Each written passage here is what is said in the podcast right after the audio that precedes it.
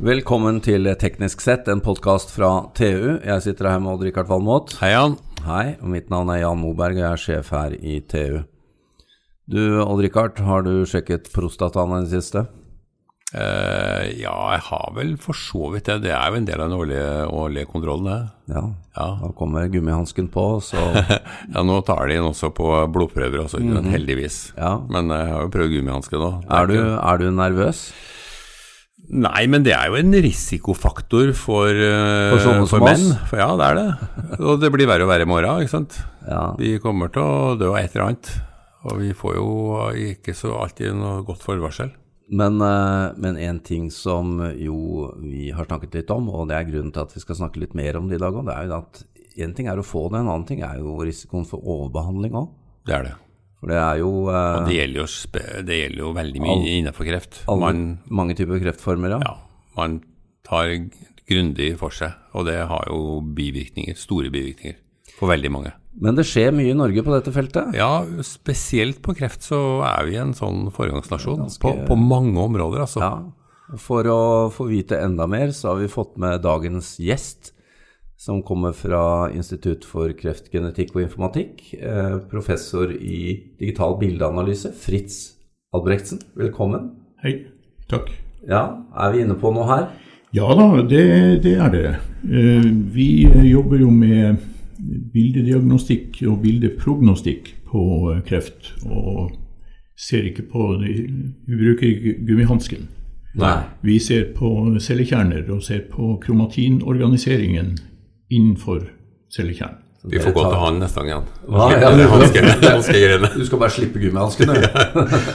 ja, men det, det, dere analyserer jo ned på cellenivå. Ja, som sagt, vi ser på teksturen, eller finstrukturen, i eh, DNA-et i eh, cellekjernen. Eh, og det vi er spesielt opptatt av, det er om vi kan si med noen sikkerhet hvordan det kommer til å gå med pasienten. Ja, om jeg kommer til å god eller dårlig prognose? ja. Ja, det er vel sånn at du, du må jo du må ha en svulst da, før det her eh, er aktuelt. Ja da, vi, vi jobber med kreftmaterialer, så, så alle de pasientene vi har i materialene våre, de har hatt en kreftsvulst og har fått den fjernet eh, kirurgisk. Og så eh, har man da på ulike vis brutt, brutt dette ned til eh, cellekjerner, hvor eh, vi kan se på hvor heterogen eller homogen teksturen av DNA i cellekjernen er. Mm. Med en, forholdsvis enkle matematiske eh, redskaper. ja, for nå snakker vi ikke om disse her eh, millioner av parametere og, og, og svære Nei, nei, altså det, det som mange gjør i sånn eh, informatikk eller beregningsorientert eh, undersøkelse av sånne bilder, det er jo å trekke ut så mange egenskaper som man kan finne på fra hver enkelt eh, Mm. Og det kan man fort ende opp med altså, Hvis du går 10-20 år tilbake i tid, så brukte folk eh, teksturanalyse algoritmer som gjerne ga noen hundre egenskaper fra hver cellekjerne. Og Det er fortsatt i bruk. Det er et kanadisk firma som har eh, fått, er i ferd med å få innpass på det store kinesiske marked. Jeg vil tro at de sikter mot eh, prostata, for det er jo der pengene ligger. Det er mange generaler og direktører som eh, har en prostata. Eh, Og så er det så mye menn i Kina. Ja, jeg tror det gjelder det samme her og i Ja. USA og ellers rundt omkring. Eh, Og har man da eh, voldsomt mange parametere, så ender man jo eh, sånn informasjonsteoretisk opp med et la oss si 200-dimensjonalt beslutningsrom. Da får du mange svar. Ja, du skal ta eh, beslutninger på om du skal behandle eller ikke behandle en pasient ut ifra eh, noe som er etter min ja, jeg pleier å kalle det hyperdimensjonalt eh, beslutningsrom Mm. hvor du har veldig lite informasjon fordi at man har få pasienter på, Ja. hver, på hver kreftform på de fleste sykehus. Mm. Det vi har gjort, er jo å koke dette ned til å bruke bare to parametere. Vi eh, ser på hvert enkelt piksel i et bilde av en cellekjerne og ser på hva er entropien. Eh, Hvor mye eh, uorden Mm. er det i omgivelsene rundt omkring hvert enkelt piksel. X og Y og uorden, Jan, det forstår vi. Det er deg og meg, men Ja, Så gode gammeldags entropien som noen kjenner fra varmelæra og noen fra informasjonsteorien, bruker vi som den ene parameteren, og gråtonen til piksel som den andre. Når vi snakker om gråtone, så, så er jo det et uttrykk for eh, hvor tett eller kompakt eh, DNA-et i cellekjernen er vikla sammen. Vi har jo en lang, sånn, nesten to meter lang eh, DNA-tråd i hver cellekjerne. Og den er jo vikla sammen sånn at den får plass inni cellekjernen.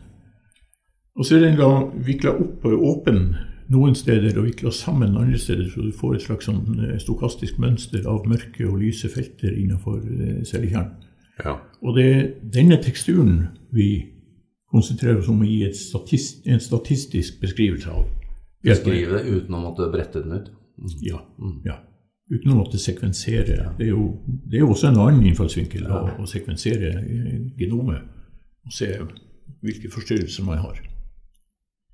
Det har ikke vi eh, involvert oss i. Vi, vi driver eh, prognostikk på eh, mikroskopibilder som godt kunne vært eh, tatt som rutinemikroskopi på et hvilket som helst eh, sykehus. Mm. 40 ganger eh, størrelse. Og her ligger jo det store potensialet òg, fordi det er enkelt å Ja, det er enkelt. Det kan flyttes, standardiseres ut på alle mulige klinikker. Øh, det her viser jo bare hvordan liksom, medisin og datateknologi har funnet hverandre i en moderne verden, og kan gi oss bedre informasjon om Ja, den kontakten har vel for så vidt pågått over lang tid. Ja. Eh, Det samarbeidet som eh, jeg har hatt med Håvard Danielsen på Radiumhospitalet, det har jo vart i en eh, 25 år. Mm. Men vi er jo inne i et tidsvindu hvor eh, tilgangen på, på eh, regnekraft er formidabel. Eh, Og vi kan lagre ja, la oss si halvannen terabyte per pasient. Det er jo datamengder som man Det er formidabelt. Ja, det er jo datamengder som man for noen eh, få år siden eh, ikke kunne drømme om. Mm.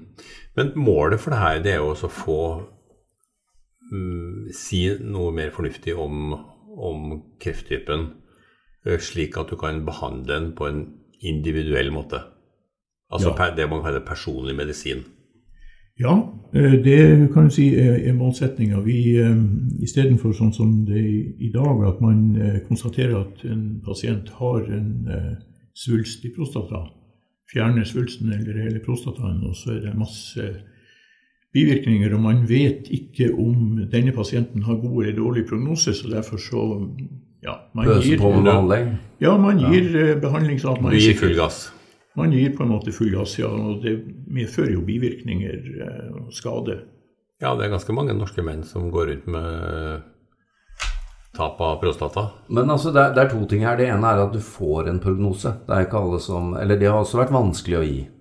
Det har vært vanskelig å gi, for det, det er jo noe som patologene ikke kan si særlig mye om, Nei.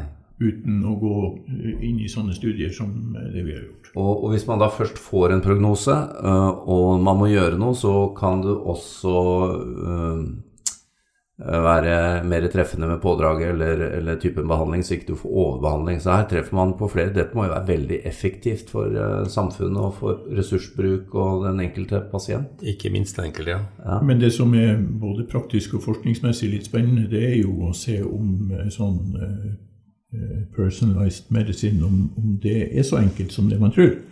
Eller om man f.eks. i prostataen eh, faktisk kan ha flere eh, genomer. Og det er med flere svulster som eh, oppfører seg på Aha. ulike vis. Så den ene cellen har du grønt flagg på, mens den andre kommer det et rødt flagg. Ja, og hvis du da har uflaks med den biopsien som ble tatt, at eh, det er en prøve av den godartede, mens det rundt hjørnet ligger en aggressiv en som kommer til å rase av sted. Mm.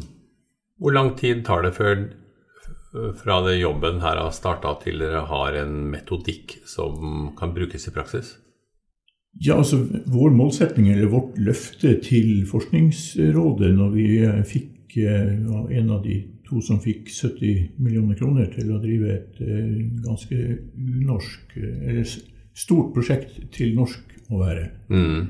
så er jo vårt løfte at vi skal ha en eh, produksjonslinje ferdig når dette prosjektet går mot slutten. Hvor man eh, I ene enden har pasienten og, og kirurgen. Så blir eh, prostataen eller eh, svulsten tatt ut. Den blir eh, delt opp i blokker. Den blir preparert etter alle kunstens regler, og så tar man snitt gjennom den for bildeanalyse. En hel haug med snitt. Og i hvert snitt er det millioner av celler. Så skal vi ha en automatisk delinering av hva som er kreftsvulsten i hvert snitt. Automatisk eh, segmentering av eh, cellekjernene og en automatisk eh, analyse av teksturen i hver bidige cellekjerne. Vi snakker om en, ja, la oss si 20 000 cellekjerner per pasient. Det her høres ut som en helt ny diagnostikkmetode? Ja, det er jo, når du ser på de tallene jeg nevnte, så er det, det er jo det som er årsaken til at prosjektet heter Do More. Ja. Vi har rett og slett innsett at man må gjøre mer. Man kan ikke jobbe med så små datasett som man har pleid å gjøre Nei. tidligere. Det har jo vært mer sånn pilotpublikasjoner av Og det betyr metoder. at patologens rolle uh, svinner litt i bakgrunnen? Ja, den blir i hvert fall annerledes. Ja. Men det er datamaskin, vi, vi, vi har veldig gode patologer vi samarbeider med, eller har i gruppa i dag. Um, som helt nødvendig at de er med på utviklingsstadiet av dette her. For vi skal jo lære opp mm. maskinen, eller maskinene, til å gjøre dette riktig. Og da må vi ha en kvalitetskontroll. Og det beste vi har, er jo da patologene. Og nå er dere litt over et år inn i prosjektet?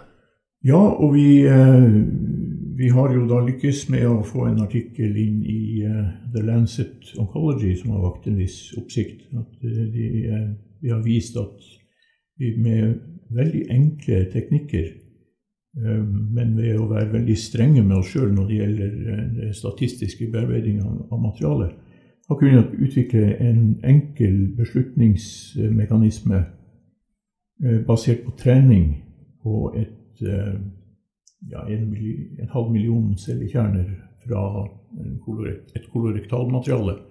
Og så har vi validert dette på seks forskjellige andre kreftformer.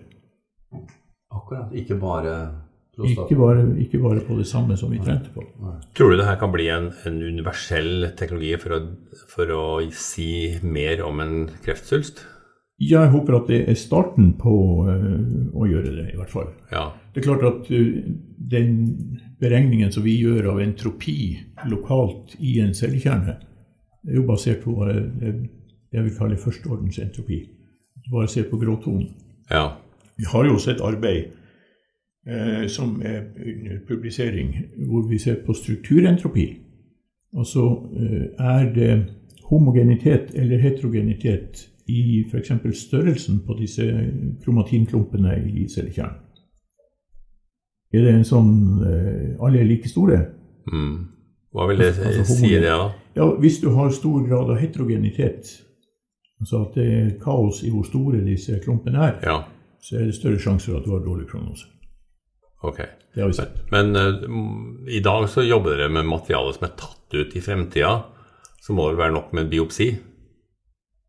Eh, ja, det må vi kunne regne med at Så du er ikke avhengig av kirurgen i, i fremtida? Nei, vi vil nok eh, fortsatt se at, at, vi jobber på kirurgisk materiale. Men i tillegg så regner jeg med at når eh, teknologien blir eh, forstått og, og, og verdsatt rundt omkring, så vil man se at man bør bruke dette på biopsier også. Ja, vi altså kunne starte behandling uten at noe er tatt ut? Ja, spesielt når det gjelder prostata, så er det jo ja. sånn at det er jo mange flere som eh, dør med sin eh, kreft i ja, prostata enn de som dør av den. Ja, og det, det, gjelder jo for sikkert veldig mange kreftformer. At mm. du kan uh, på en måte ha det livet ut, og så dør du av noe annet. Ja, eller i hvert fall ha en sånn watchful waiting. At man ja. med jevne mellomrom kontrollerer status, og så uh, venter med å ta beslutningen om en operasjon. Og i alle fall kan dimensjonere hvor mye stråling, hvor mye kjemoterapi trenger pasienten. Dette er jo imponerende, Richard, hvordan, ja. Eh, hvordan, dette her foregår i Norge. Jeg må bare nevne også at dette her eh, Do More-prosjektet, hvor han har eh, forløst 70 millioner fra Forskningsrådet, mm -hmm. og så er det noen flere midler inne i bildet, Det er jo et kjempestort prosjekt å være i Norge, forskningsprosjekt. Ja, altså Forskningsrådet håper vel sikkert at det her skal bli en, litt, et industrielt aspekt også. Ja, det gjør de. Ja. Så, så vi, vi, har som sagt en ambisjon om, eh, om, en produksjonslinje, og på slutten av den så er det også en del sånn beslutningsstøtte funksjoner hvor andre deler av informatikken kommer inn. Mm. Når, når, altså Hvilke tidsperspektiv har man på det? Når, når kan uh, vi forvente at det er et, en produksjonslinje kommersielt tilgjengelig? Nå tenker vi på oss selv. Ja, du det haster litt der. det haster litt her. ja, men dette, dette, prosjektet går jo til midten av uh, 2020. Ja. Eh, og så spørs det da om det kommer en oppfølger. Vi håper jo å ha, ha en uh, demo ja. innen den tid. Ja. Og så får vi se. Men det er jo mange spennende ting som eh, Vi får jo hele tida ideer, men vi, vi, har ikke bare ja. de ideene vi hadde før dette prosjektet ble starta. Det, det, ruller jo på med ting som mm. Ja, det kan være krevende å holde fokus noen ganger? Det kan det være. Men uh, uansett uh, superimponerende. Ja. Vi, uh, og det, det, viser jo bare at innenfor kreft så har vi faktisk litt å fare med her i landet. Ja, vi, har gode miljøer som utvikler immunoterapi og sånn, så har vi Kreftregisteret, som er unikt i verdenssammenheng sammen med et par andre nordiske land. Da. Ja, men det viser jo også at det, er ikke bare å ha noen sånn pettersmarter som gjør et eller annet på et lite materiale. Det som er suksessformelen her, det er jo at man jobber sammen over, eh, over lang tid, og at det finnes et stort og godt eh, laboratoriemiljø på Radiumhospitalet mm. ja. som eh, på profesjonelt vis har kunnet behandle disse eh, kreftmaterialene.